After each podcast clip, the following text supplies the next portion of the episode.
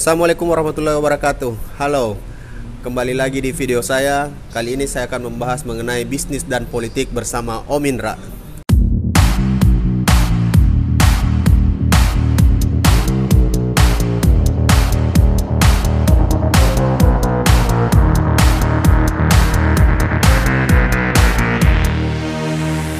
Oke, sekarang saya bersama Om Indra. Halo Om Indra. Nah, Om Indra ini saya perkenalkan dulu. eh, beliau adalah ketua TDA Makassar. Berapa? Berapa koma nol? Eh, 3.0 3.0. Nah, kebu- dan setelah itu apa lagi jabatannya di TDA? Setelah jadi ketua TDA 3.0 lanjut jadi koordinator wilayah Indonesia Timur yang pertama Oh, yang pertama ini. Yang Wah, pertama. Jadi bisa dikatakan founder anu ya, founder ko- koordinator ya. kalau bukan sih founder koordinator sih bukan Ya. tapi kalau founder komunitas tangan di atas Makassar. di Makassar Di Makassar.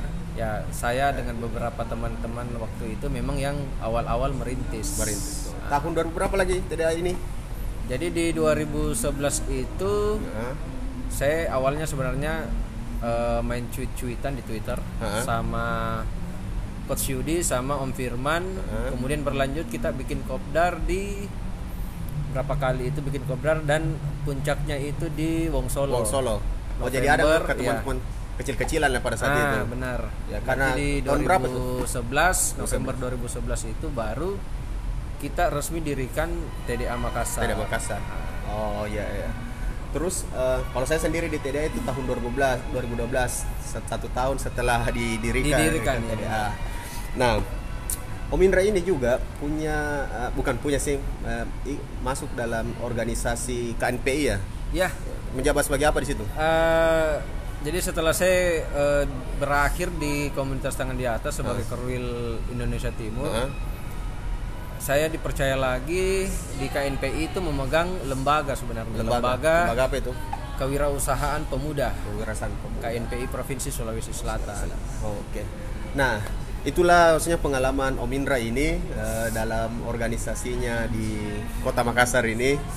Eh, sekaligus di mewakili juga eh, apalagi tadi Ko- Korwil di untuk Indonesia Timur ya di TDA. Ya. Nah, tapi itu dulu ma- pembahasan mengenai eh, pengalaman organisasinya. Tapi Om Indra ini juga punya bisnis. Ya, tentunya dong. Nah, karena terus terang dulu waktu Om Indra duluan di TDA, eh, saya juga salah satu fansnya. Oh, iya. Karena dia bisnisnya adalah angin memiri eh, bisnis konveksi. Sablon juga pada saat itu ya. Eh, konveksi dan sablon. Kon- konveksi sablon. Karena itu ngefans sekali bilang siapa ini angin memiri apa? Memiri ya? Memiri memiri Industries. memiri. Industri. Eh, siapa ini punya us- anu, usaha? Ternyata Om Indra ini nah di TDA lah kita bertemu. Jadi teman-teman silahkanlah gabung di TDA karena di sana banyak teman-teman. Kita bisa sharing bersama-sama di sana. Nah ngomong-ngomong ini Om Indra bagaimana kabar Mamiri Industri ini Om Indra Jadi Mamiri Ya. Industri ini pertama kali saya rintis itu tahun 2007. 2007 bahas Setelah sebelumnya eh, sudah lama ya ya sekitar satu tahun di 2016 itu saya eh, buka 2007? distro. 2007 sampai nanti 2016 buka distro Enggak, di 2006 saya buka distro, Hah? cuman berjalan satu tahun, Ya. kemudian saya langsung banting setir buka konveksi dan percetakan sablon. Jadi buka tahun 2007 Ya. berarti 2000 berapa baru buka distro? Jadi sebelum buka konve eh, Mamir Industri ini ber, eh, Berjalan, berdiri berjalan, 2007? Oh. saya bisnis distro dulu. 2006 berarti. 2006. Oh, berapa lama buka distro itu? Cuman satu tahun. Satu tahun. Alhamdulillah tutup. Jadi Bukan tutup ya? ditutupnya sebenarnya pertimbangan eh, Nah, efisiensi, efisiensi pekerjaan. Karena ternyata waktu saya buka distro itu heeh. kebanyakan pemasukan saya itu dari orang yang pesan-pesan baju. Baik itu dari sekolah, dari Oh, kampus, dari perusahaan. ada distronya, terus yang datang mau ya, mau justru dicetakan, lebih banyak ya, ah, mau orang yang pesan baju. Nah, akhirnya Ya saya buka. Dan untungnya yang mana lebih banyak pada saat itu? konveksi. Distro konveksi. Ah, Konveksi. iya, iya. Akhirnya tutup alasannya situ. Ya, ditutup, kemudian fokus ke Mamir konvek- Industri. Mamir Industries ini. Oh iya iya. Sam- eh, berarti 2007 ya? 2007. Dan berjalan kenapa sampai 2016 saja ini? Sebenarnya dibilang sampai 2016 juga tidak. Ya. Mamiri sampai sekarang itu tetap eksis. Masih ada. Masih, masih ada, ada. cuman bisnis model yang berubah. Oh, iya iya iya iya. iya. Kenapa kita berubah? Karena kita melihat perkembangan zaman. Hmm. Jadi eh, kalau dulu orang berbisnis itu Hmm. harus punya sedikitnya itu punya eh, alat produksi. Dulu. Ya nanti dikatakan dia bisnis, dikatakan Kalau dia sebuah alat produksi. perusahaan. Heeh. Kalau dia punya alat produksi, eh, ternyata zaman sekarang era destruktif ya. ya Ya, itu ya. tidak perlu. Oh. Jadi memang zaman-zaman 2007 sampai sekitar tahun 2012 itu masih sangat kurang eh, konveksi dan percetakan sablon itu yang standarnya itu betul-betul eh, bisa diterima di masyarakat. Dulu di tahun Ah. 2007 lah, 2008 ya. 2007 sampai 2012. 12. Ya saya saya dapat Pak. Ah. susah sekali ya. Ya. Sangat susah. Kebanyakan kita kalau mau pesan eh, baju itu larinya ke Jawa. Ya. Jakarta, Bandung, Bandung, Surabaya. betul. Saya rasa sekali dulu di Makassar eh, bisa dibilang ya sendirilah berjuang membangun industri eh, percetakan dan konveksi ini. Yang mau yang ada yang standarnya standar Ya, distro lah istilahnya ya, orang di sini orang lah. bilang standar distro, Standar distro. seperti itu. Ah. Cuma eh, dalam rentan waktu 2007 sampai 2012 sampai 2014 itu banyak juga teman-teman yang eh, saya temani diskusi. Heeh.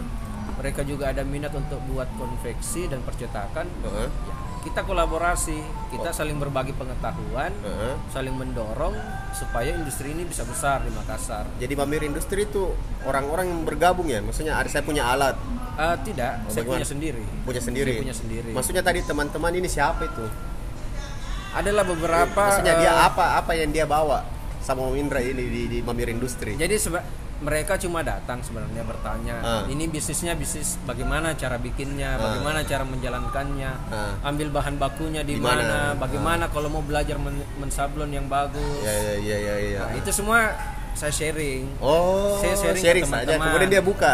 Kemudian dia buka. Oh, jadi Begitu bikin mereka bukan buka. anu itu kompetitor ya? Mem- menciptakan kompetitor ya atau bagaimana kategorinya itu? Kalau dibilang kompetitor sih, Ah. ya kita tidak berbicara berpikir itu sebuah kompetitor. Oh, iya iya. Karena kalau kita mau besar, ya tidak bisa dipungkiri kita harus berkolaborasi. Kolaborasi. Berkolaborasi. Oh, berarti Om Indra ini sudah dari dulu ini sudah bermindset kolaborasi ya dari tahun 2012 kan baru kan lagi Iya, dikampanyekan iya, masalah iya. kolabora- kolaborasi. Sebenarnya itu cara berpikir saja sih, Ah. bagaimana kita ini yang sangat eh, minim eh, persoalan dana, Ah. bagaimana kita bisa bersaing dengan eh, Industri orang- besar. industri yang besar. Ah.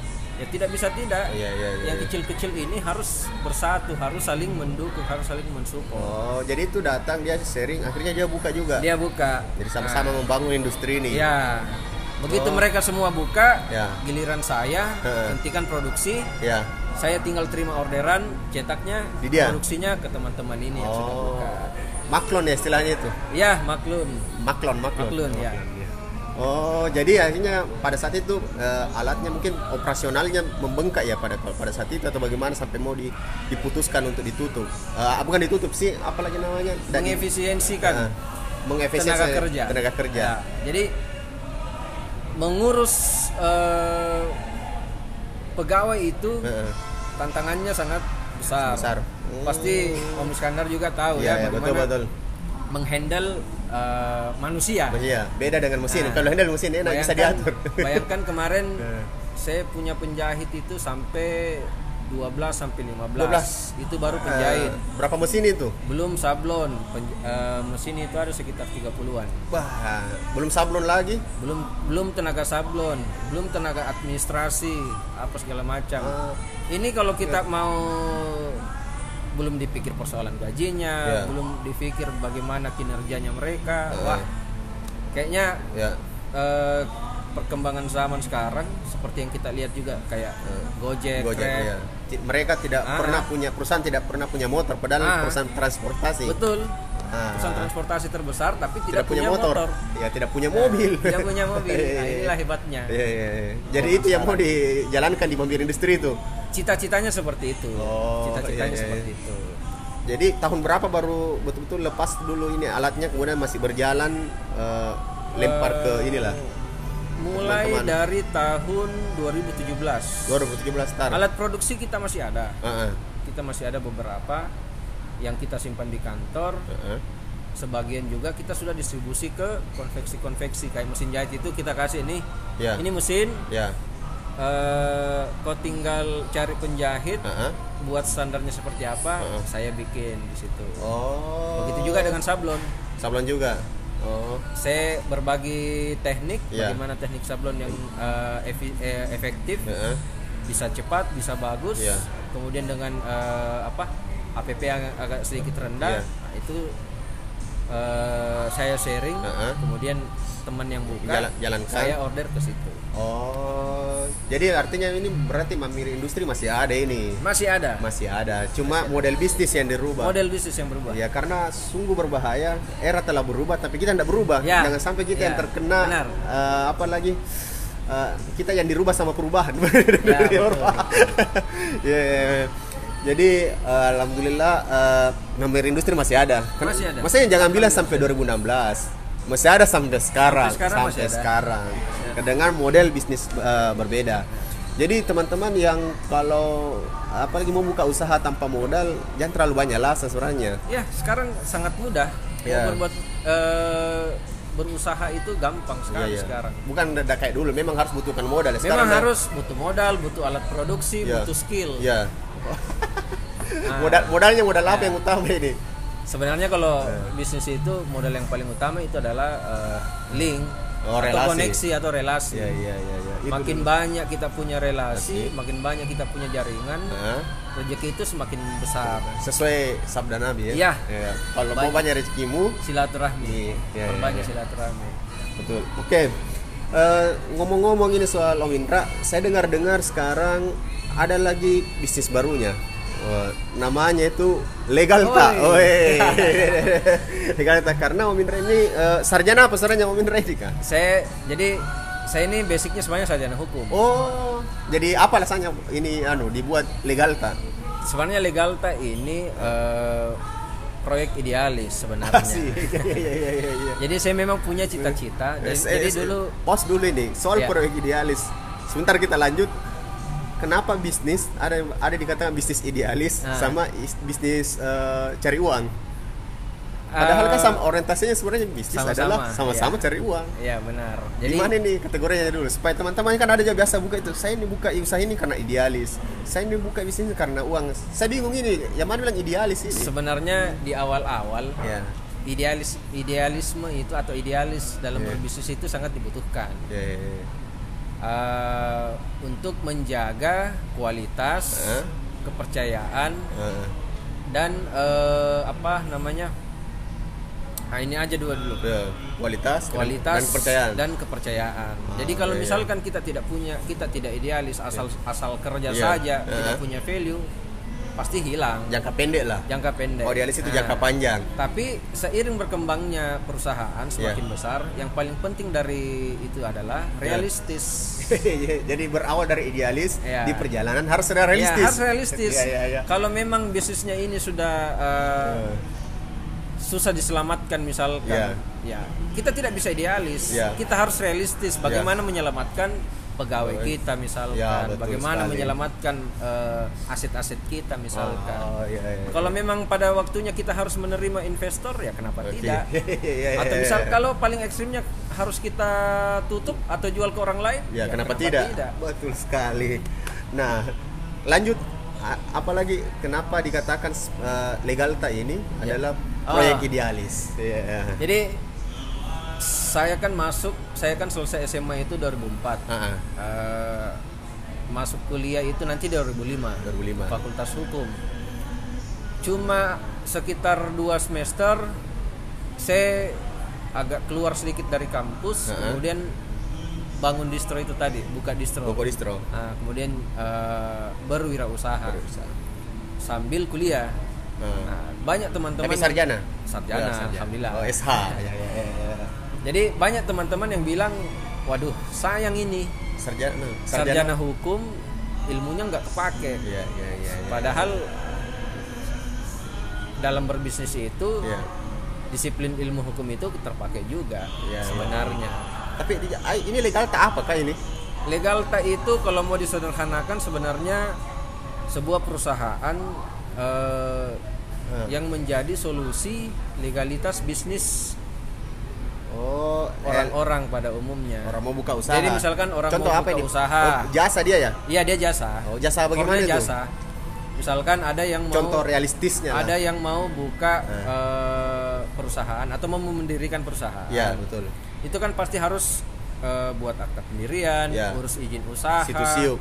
Eh, NPWP, Ya, pajak, ya. re- pembukaan rekening perseroan apa segala Oh. macam. Nah, itu kita bantu. Oh, jadi kalau mau konsultasi di sini. Termasuk eh, konsulta eh, bukan cuma konsultasi, Heeh. pengurusannya Sampai mulai dari selesai? A sampai terbit Saya- izin usahanya. Oh. Termasuk konsultasi seputar hukum. Oh, konsultasi dan maksudnya bisa dibantu sampai ke terbit ini semua. Bisa, bisa. Jadi semua sit- situs siup dan lain-lain. situs siup TDP Oh, jadi terima beres begitu PWP. lisensinya. Penting iya, terima beres. kan pengusaha itu kan sebenarnya Ya. agak kurang waktunya untuk mengurus hal-hal seperti ini Oh, iya iya. iya. ditambah lagi kurangnya pengetahuan eh, tentang bagaimana cara mengurus ini Iya, karena kita pikirnya kan Ah. padahal pikir bagaimana cara untung saya dulu Ya, ini. di awal-awal memang seperti padahal itu. negara memerintahkan untuk ada harus dibawa harus ada legalitas. legalitas supaya diakui ya, negara. negara Ah. Bisa bayar pajak bisa Iya. membantu eh, dalam berkembangnya sebuah negara Oh. membantu pembangunan negara dan kalau misalkan ada bantuan dari negara dari pemerintah otomatis yang didahulukan itu yang punya legalitas Oh, jadi ada juga bantuan dari pemerintah. banyak Oh, jadi luar biasa. Apakah ini dikatakan ka- proyek idealis ya seperti itulah? jadi sebenarnya begini waktu saya ditanya sama teman-teman Nah. bagaimana setelah kuliah saya bilang tenang Ya. saya punya cita-cita nanti di umur 35 Ah. eh, baru fokus pada persoalan hukum dan persoalan hukum ini kenapa saya bilang sosial eh, idealis karena memang Beda orientasinya beda idealis, sosial beda sosial. Orientasi sosial. orientasinya sosial Iya, iya, iya. jadi disiplin ilmu hukum saya ini ingin saya gunakan untuk Eh, eh, sosial untuk ke Oh, masyarakat, masyarakat. untuk berkhidmat ke masyarakat Tapi ada bisnisnya juga. Nah, itu kan hal Iya. yang berbeda Hal berbeda Ya, lagi. jadi kalau misalkan sepu- misalkan kayak UKM Iya, ya. mau konsultasi persoalan hukum Ya. itu kan kalau profesional ya kan bayar Ya. kalau, saya enggak free. Ya free nih. Ah, free kalau konsultasi konsultasi hukum Jadi ya, gimana caranya nih kalau mau teman-teman yang mau baru mau ke usaha mau konsultasi hukum lewat mana hubungi bisa nih? bisa Hubungi via di- WA Via WA. via Nanti WA saja Via karena WA. saya kalau di sosial media tidak tidak begitu aktif Uh-huh. kecuali di Facebook atau bisa DM ke Legalta. bisa Legalta ada Instagramnya nanti ada di bawah ini. Sip. Iya. Nah. Langsung DM saja loh situ ya. Boleh, boleh, ya, boleh. Ya, ya. Nanti dijawab langsung sama Om Indra ya. Ya, ya. jadi termasuk misalkan eh, bantuan hukum gratis ya. ke masyarakat yang tidak mampu. Oh. Itu itu cita-cita saya eh, terkait disiplin ilmu hukum ini. Makanya Oh. kenapa eh, nanti di umur 35 karena Oh. dan kenapa saya membangun pondasi bisnis dulu, pondasi ekonomi Iya, dulu supaya eh, proyek idealis saya ini tidak terganggu, idealis idealisme saya ini tidak bisa terbeli. Oh, iya. Seperti itu. Yang berorientasi sosial. Iya. Oh, tapi ada ndak? Maksudnya di mana di mana cash flow-nya ini di Legalta ini khususnya? Ada. Kalau ada orang atau memang kalau membantu untuk saja? pengurusan izin itu pasti eh, ada biaya. Biaya jasa. Iya, ada biaya. Iya, karena jasa. kan ada transportasi sana Iya. sini, bayar sana bayar Termasuk sini. ada eh, PNBP yang harus di-store ke negara. Itu Oh. sudah diatur di dalam Iya. undang-undang, Iya, bukan eh, legalta yang memungut Iya. enggak. Oh, iya iya benar-benar. Ya, sisanya lah jasa yang dibayar karena Iya. eh, artinya begini saya sebagai misalnya pengusaha mau diuruskan sepertinya artinya waktuku lagi tidak terbuang lagi untuk urus itu saja bisa Iya. dibantu sama le- Legalta. legalta. Oh ya pertanyaan begini lagi sepenting apakah eh, kita harus memiliki badan hukum pada saat memulai usaha haruskah memang ada badan hukumnya dulu pada saat mulai usaha atau tidak perlu jalan dulu supaya teman-teman ini yang mau buka usaha tidak kebingungan karena ada pertanyaan seperti itu Ya, jadi kalau ini? kalau dari sudut pandang hukum sebelum memulai bisnis yang paling pertama diurus itu adalah aspek hukumnya, aspek legalitasnya. Oh, aspek legalitas. Nah, benar. itu ini sangat penting Ah. supaya ketika perusahaan ini ber, eh, beroperasi berjalan tidak dianggap ilegal oleh pemerintah. Kalau dianggap ilegal itu bagaimana sebenarnya kan? Eh, misal Ya. eh, kita bisnis eh, ekspedisi, Ya, betul. angkutan barang, eh, angkutan jasa eh, barang ya, Ya. itu harus ada izinnya. Tidak bisa kita eh, pergi ke pasar, Ah. tawarkan bilang saya bisa bawa barang anda ke daerah misalkan, itu tanpa izin tidak boleh. Oh, ya udah bisa deh. Iya. Oh, oke, oke. Tapi Tidak kalau orang yang mau bikin usaha cendol di kampus bagaimana sudut pandangnya ini? Sebenarnya Ya. paling sederhana, Ya. Paling sekurang-kurangnya lah Ya. minimal kita punya surat keterangan usaha Oh, begitu. dari Dari mana? kelurahan Oh, surat keterangan usaha. dari kelurahan jadi minimal eh, pemerintah setempat di situ Eh, di level eh, kelurahan RT itu tahu bahwa kita punya usaha. aktivitas usaha Itu sudah dikena pajak tidak? Mestinya. Eh, ada hitung-hitungannya sih Ada sebenarnya ada hitungannya. hitung-hitungannya Beda lagi biasanya kalau yang kecil-kecil gerobakan begitu kalau tidak salah Eh. per gerobak itu kalau saya tidak salah ya Iya, iya. sepuluh ribu per hari Oh, yang harian ya benar. ya, itu retribusi sebenarnya retribusi. dia bukan pajak oh, beda iya iya. Nanti kalau dalam tahap mengembang lagi beda lagi anunya. Nah, nanti kalau dia sudah berbentuk eh, Besar, perusahaan, perusahaan, ya. nah itu sudah ada kewajiban untuk Ya. membayar pajak. Oh. Baik itu PPN, pajak Ya, ya. pengha- eh, pertemuan nilai maupun pajak penghasilan. Oh, begitulah. Jadi a- apalagi ada di batasan omsetnya baru ngurus begitu dah atau apa parameternya bahwa dikatakan berkembangin usaha. Misalnya dulu cendol Ah. dia di depan rumahnya Ji. Ya, Habis itu atau habis mulai masuk kampus. ya. Habis itu dia membesar, sudah buka eh, apalagi ada Eh, gerai-gerainya ruko-ruko. Ya, di semen di ruko-ruko. Ya. Jadi, jadi kalau eh, bisnisnya sudah berkembang, ah. apalagi sudah buka toko ya Ah. yang besar ambil di ruko misalkan, itu memang kita sudah harus eh, apa namanya punya izin usaha. Oh, iya. Sudah harus mengurus izin usaha. Harus bayar pajak juga tentunya. Harus harus harus bayar pajak. Ya ya ya ya. ya. Karena pajak ini eh, digunakan untuk membangun negeri. oh, itu gunanya pajak itu kah? Salah satunya untuk di samping eh, membayar gaji pegawai negeri, polisi, tentara, hakim, jaksa, Itu presiden. termasuk presiden, Presiden. dan Oh, iya, wakil-wakil rakyat kita. Nah, sebentar kita bahas masalah wakil rakyat. Kita lanjut dulu masalah sudah tadi masalah bisnis, kita masalah masalah hukum. Nah, terakhir saya mau tanyakan tentang masalah hukum ini. Nah, eh, be- begitu banyak eh, para pemuda ini millennials atau anak-anak muda juga generasi apa sudahnya millennials ini kah? Millennials itu eh, range usia yang lahir dari tahun 1975 sampai Eh, 1998, 98. 95 sampai 98. tapi sudah ada juga orang umur 2000-an generasi Z ya, Nah, itu 2000-an. eh, generasi Z. Z.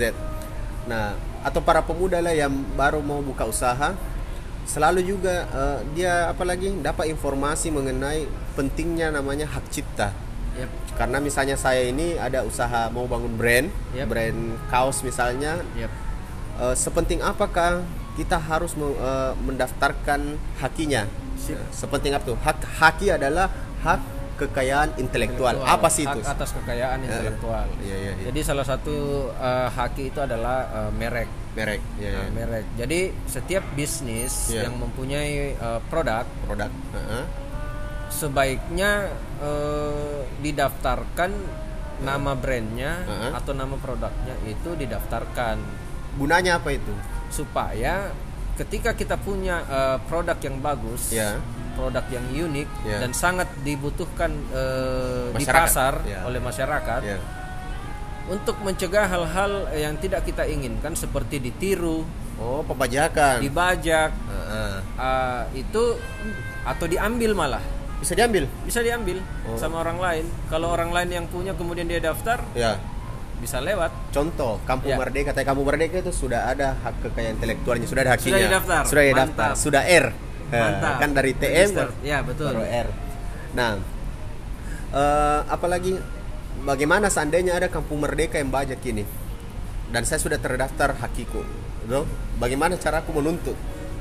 Ya tinggal dibuktikan saja. Ah, ah. Tinggal dibuktikan salah satunya itu adalah eh, berkas pendaftaran, Berkas pendaftaran. atau eh, surat keterangan dari Kementerian Hukum dan HAM Ah, ah. bahwa Kampung Merdeka ini terdaftar atas nama Ah. Iskandar Cita. Itu dilaporkan di Eh, Kepolisian. jadi pembuktian ya. Di- Kalau misalkan kita eh, mer- ada yang tiru Ya. atau ada yang bajak, dilapor di kita kepolisian. tinggal melapor ke polisi bahwa brand Kampung Merdeka ini Ya. eh, punya saya. Ya. Kemudian ada orang yang menggunakan eh, tanpa izin ah. eh, Dan mengambil keuntungan dan dari situ. mengambil keuntungan dari situ. Ah, itulah pentingnya ya. Walaupun itu kuliner ya. Mau Makanan kuliner yang penting itu unik dibutuhkan oleh masyarakat Ah, ah. harus didaftar. harus daftar. Penting ya, karena kita Penting. tidak ada tahu dan itu hak kekayaan hak hak kita. Ya benar. Oh, hak kekayaan intelektual kita ya. Hak atas kekayaan Dan intelektual. pertanyaannya ini, apakah legal tak bisa membantu teman-teman menuntut karena ada teman-teman ini yang sudah dibajak-bajak kanunya apakah Kalau legal tak bisa menuntut membantu? kalau menuntut bisa. Iya. Uh, kita punya pengacara juga di legal Tag. Iya, iya, iya, iya. Uh, tapi sebelum tuntut menuntut, Iya. ada baiknya kita mediasi dulu. Oh. Jadi iya. kita lakukan uh, pendekatan uh, apalah mana damai. Pendekatan damai, Kalau ya. bisa diselesaikan secara damai Kekeluargaan. tanpa perlu uh, masuk ke hukum, Iya. karena hukum ya kenapa tidak? Oh, iya, iya, iya, iya. Gitu. Oke. Nah, itulah tadi penjelasan dan sharing mengenai bisnis dan eh, apa lagi legalitas eh, sebuah bisnis itu sendiri Ya. Eh, dari Om Indra. Tapi yang saya tahu ini Om Indra karena kemarin saya jalan-jalan lah di satu kecamatan di kota Makassar ini, saya lihat ada balihonya Om Indra ini. Dia maju eh, eh, anggo- menjag- maju sebagai anggota dewan ya atau anggota legislatif. Ya. Eh, kenapa lagi mau maju eh, di legislatif? Padahal ini kan sudah mampir industri bagaimana dibesarkan lagi, legal tak ini bisa diperbaiki lagi dikasih lebih besar, lebih bermanfaat kepada sosial. Ngapain lagi ke ini maju di eh, sebagai calon legislatif ini? Jadi uh, Tunggu dulu. Karena video ini terlalu panjang, nantikan di video selanjutnya. Dadah.